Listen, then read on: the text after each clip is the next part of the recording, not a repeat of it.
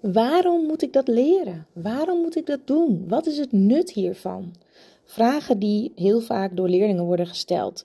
En heel vaak weten we niet eens het antwoord erop. Laten we wel wezen. Deze podcast wil ik jullie meenemen in het waarom.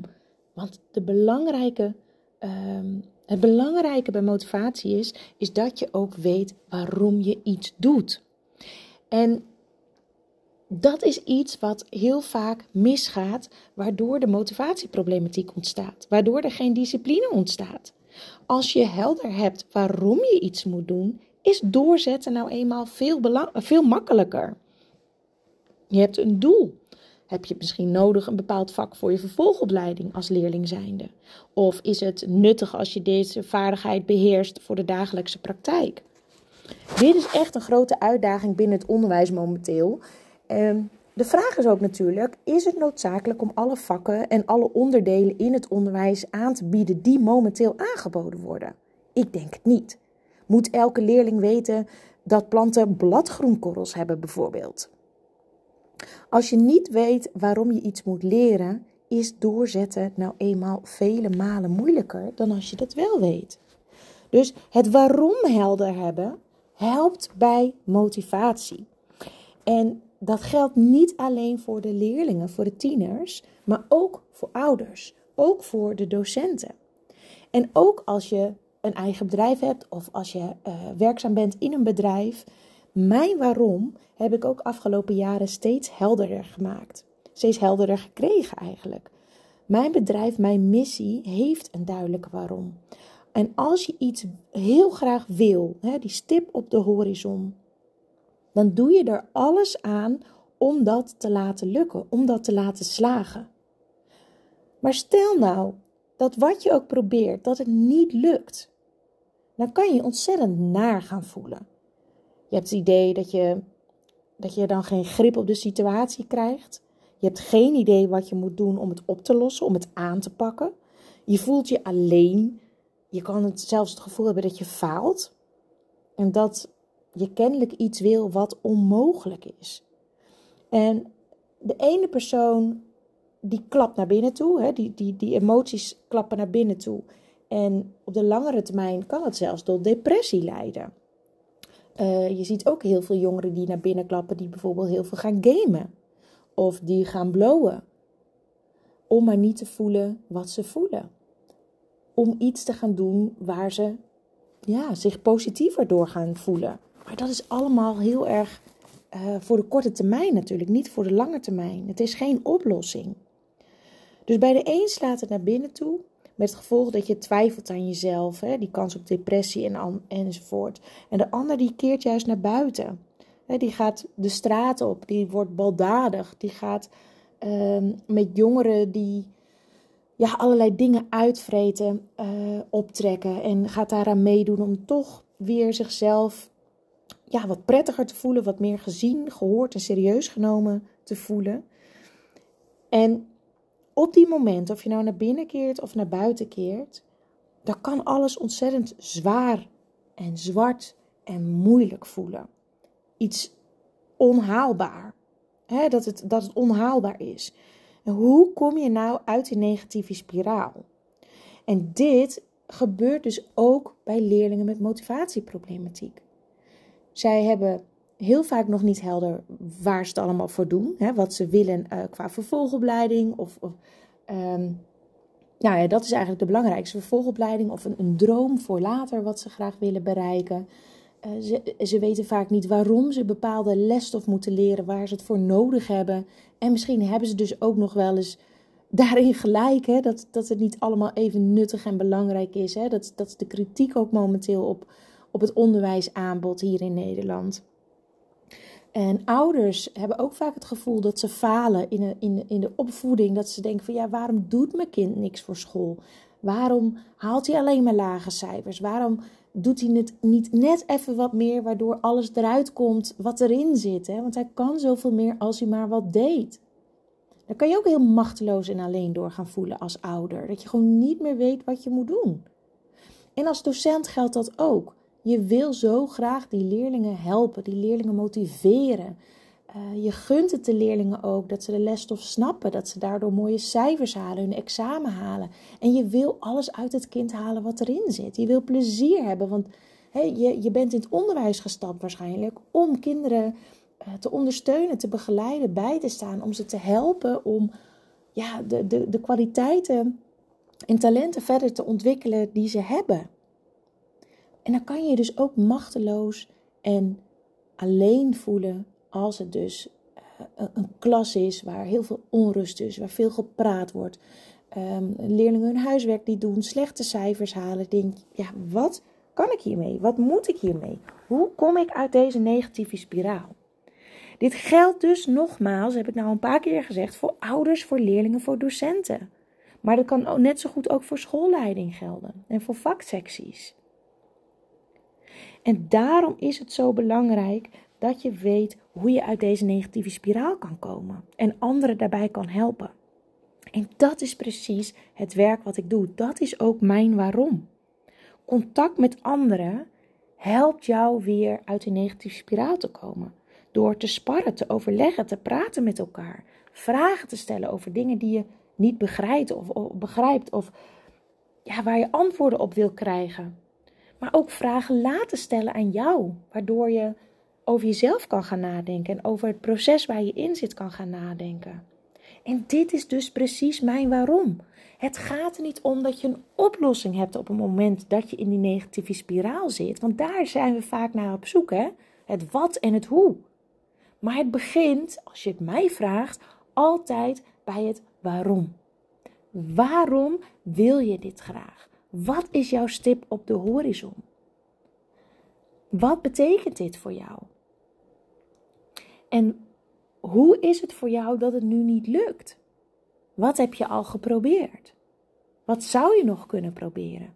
Het puur met elkaar praten en sparren over waar je tegenaan loopt, doet al ontzettend veel. En als je mij vraagt, is dat uiteindelijk ook wat je naar de oplossing brengt? Het met elkaar praten, het samen naar de situatie kijken en zoeken wat je al hebt gedaan, wat je nog kan doen en wat je wil bereiken.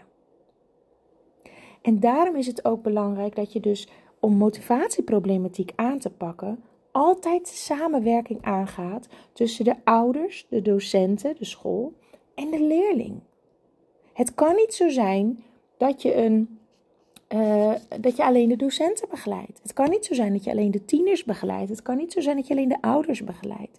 Je hebt alle partijen nodig om vooruitgang te boeken.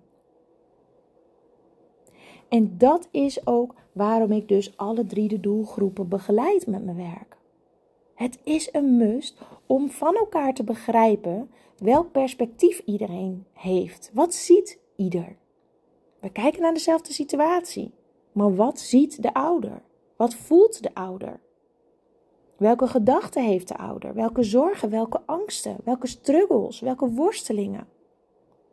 En dan de docent, de school. Wat zien zij? Wat denken zij? Waar maken zij zich zorgen over? En natuurlijk ook die van de leerling zelf. Wat ziet de leerling? Wat ervaart de leerling? Wat denkt de leerling? Wat wil de leerling?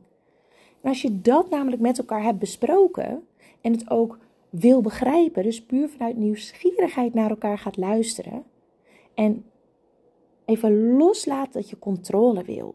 Want dat is echt een, ja, een, een, een blokkade eigenlijk. Een, een, het willen hebben van controle, bij wie van deze drie partijen ook, dat belemmert eigenlijk het tot de oplossing komen. Want bij controle, dan heeft de ander het gevoel dat hij iets niet goed doet. Dat er continu in zijn nek, uh, dat je in zijn nek hijgt om, om mee te kijken. Iedereen wil het graag zelf kunnen. Dat is, ik denk dat dat iets menselijks is. Dat we het allemaal graag zelf willen kunnen. Dat we het liefst geen hulp vragen. Maar tegelijk willen we nuttig zijn. Willen we ertoe doen. Willen we van betekenis zijn. Dus we willen elkaar graag helpen. Dus het begint met oprechte belangstelling. Vragen hoe ieder ernaar kijkt. En dan samen zoeken wat er nodig is om vooruitgang te boeken. dan kom je pas bij het wat en het hoe. En ook al weet je de oplossing nog niet, daar ga je naar op zoek. En aldoende kom je uiteindelijk op een pad terecht. En is dat niet het juiste pad, dan neem je een afslag. Of dan ga je een stukje terug en dan ga je de andere kant op. Zodra elke partij, ik zeg steeds partij, maar jullie snappen wat ik bedoel, hè? de ouder, de school en de leerling, allemaal het gevoel hebben dat ze, uh, dat ze een, een aandeel hebben. Hè? Dat, dat het helder is van oké, welk stukje kan ik oppakken?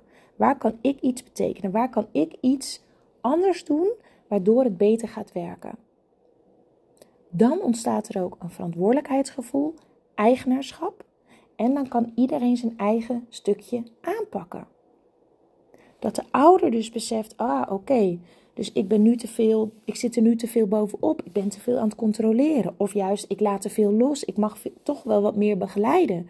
Ook al heb ik het idee, mijn kind zit in de vierde en die is nu 15, die kan het wel zelf, die moet het zelf kunnen. Laat hem maar onderuit gaan als hij niks wil doen. Nee, die heeft wel degelijk nog begeleiding nodig en structuur en overzicht. Maar het gaat erom in welke vorm giet je het. Op welke manier doe je het? Doe je het op een controlerende manier of doe je het samen met je kind? Oké, dat is dus het aandeel van de, van de ouders. Daar kunnen ze wat mee. Het aandeel van de school, van de docent. Oké, ik kan met jou samen gaan kijken na een toets van hey, hoe heb je de toets gemaakt? Wat ging er goed, wat ging er niet goed? Wat kan je volgende keer anders doen? Hoe heb je voorbereid? Maar ook door eventjes te checken, joh, lukt het? En meer vertrouwen hebben in de leerling en uiten. En tuurlijk zit er ook een aandeel bij de leerling zelf. Want we kunnen optimale begeleiding bieden. Maar als de leerling weigert iets te doen en te proberen en steeds ja zegt en nee doet, dan kan die leerling geen hulp krijgen. Dan kan het niet opgelost worden. Die leerling moet ook in beweging komen. Dus het is bij de leerling ook een stuk: oké, wat wil ik? En wat heb ik ervoor nodig om dat voor elkaar te krijgen? Dus waarom wil ik het? Dat helder maken. Daar kan je hulp voor krijgen. En daarna ook: oké, wat werkt voor mij? Uitproberen wat werkt. Oké, voor mij werkt het om steeds in 20 minuten blokken van 20 minuten te leren in plaats van een uur achter elkaar. Mij helpt het in kleine stukjes verdelen. Mij helpt het als ik beneden in de woonkamer ga zitten, waar mijn ouders ook zijn, en daar mijn huiswerk ga doen. Want dan laat ik me minder snel afleiden door mijn mobiel, want ik weet dat mijn ouders dat dan zien. Oké, gaan we proberen. Nou, wat kunnen die ouders hierin betekenen? Door helpen te herinneren bijvoorbeeld. En kom dan na twee weken of drie weken weer eens bij elkaar. Met de, dus, met de docent, met de ouders en met de leerling. En kijk hoe het is gegaan. Wat ging er goed? Waar kunnen we een les uithalen? Wat kunnen we anders doen? Je hebt elkaar nodig. Dus het waarom iets moet, is belangrijk. Dus waarom moet je eerst in contact met elkaar om tot een oplossing te komen en begrip te, uh, te kunnen hebben voor elkaar? Omdat dat uiteindelijk de eerste stap is naar het oplossen van motivatieproblematiek als je blijft eh, tips blijft geven, adviezen blijft geven, blijft zeggen dat, dat het kind zoveel meer kan, dat het kind gewoon huiswerk moet doen. Dat is allemaal zenden. Dat weet het kind zelf ook wel. Het is dus belangrijk om allemaal hun eigen zegje te kunnen doen. En dit klinkt zo simpel, maar het is bizar hoe weinig dit gebeurt. Echt waar. Er zijn ouders die ik spreek die zeggen: Nou, ik heb dit hele jaar nog maar één gesprekje gehad, maar mijn kind staat ontzettend, heeft ontzettend veel onvoldoendes ja, moet je dan wachten tot de school iets laat horen? Of kan je zelf ook daar een verantwoordelijkheid in pakken? En kan je zelf aankloppen van ja, we maken ons zorgen, we willen graag om tafel om te kijken van hé, hey, wat gaat hier mis? Wie heeft welk aandeel? Wie kan wat oppakken? En met een aandeel bedoel ik dus niet schuld, hè? laat het even duidelijk zijn. Met een aandeel bedoel ik, oké, wie heeft welke verantwoordelijkheid? En dan samen zorgen we ervoor dat de puzzel in elkaar past. Dus weet je kind wel waarom die iets moet doen? Weet jij zelf wel waarom je iets wil doen? Waarom is het belangrijk dat je kind een bepaald niveau doet? Waarom is het belangrijk dat je kind hoge cijfers haalt? Vraag je dat eens af. Stel die kritische vragen eens aan jezelf. Gaat het echt over je kind of gaat het diep van binnen over jezelf? En datzelfde geldt voor, voor docenten. Als de klas niet rustig aan het werk is, Heb je dan het gevoel dat jij faalt als docent? Faal je als ouder? Of eh, als, uh, ja, als persoon? Dat kan natuurlijk ook, dat je dat gevoel hebt. Het kan van alles zijn. Dus het waarom helder maken is een must. En daarna komt pas het wat en het hoe. Oké. Ik hoop dat je hier weer wat uit hebt kunnen halen. Ik wens je een hele fijne dag. Doei doei.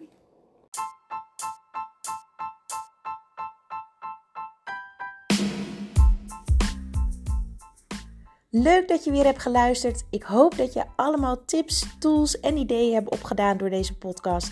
Mocht je meer informatie willen, volg me dan via de socials, Instagram, Facebook of LinkedIn. Uh, of stuur me een mailtje of ga naar mijn website www.mariekeringrozen.nl. En als je deze podcast inspirerend vond, dan vind ik het super tof als je deze aflevering wilt delen met anderen. En tag mij dan eventjes, zodat ik weet wie er luistert naar mijn podcast. Dat vind ik altijd super tof om te zien. Alvast bedankt. Doei doei!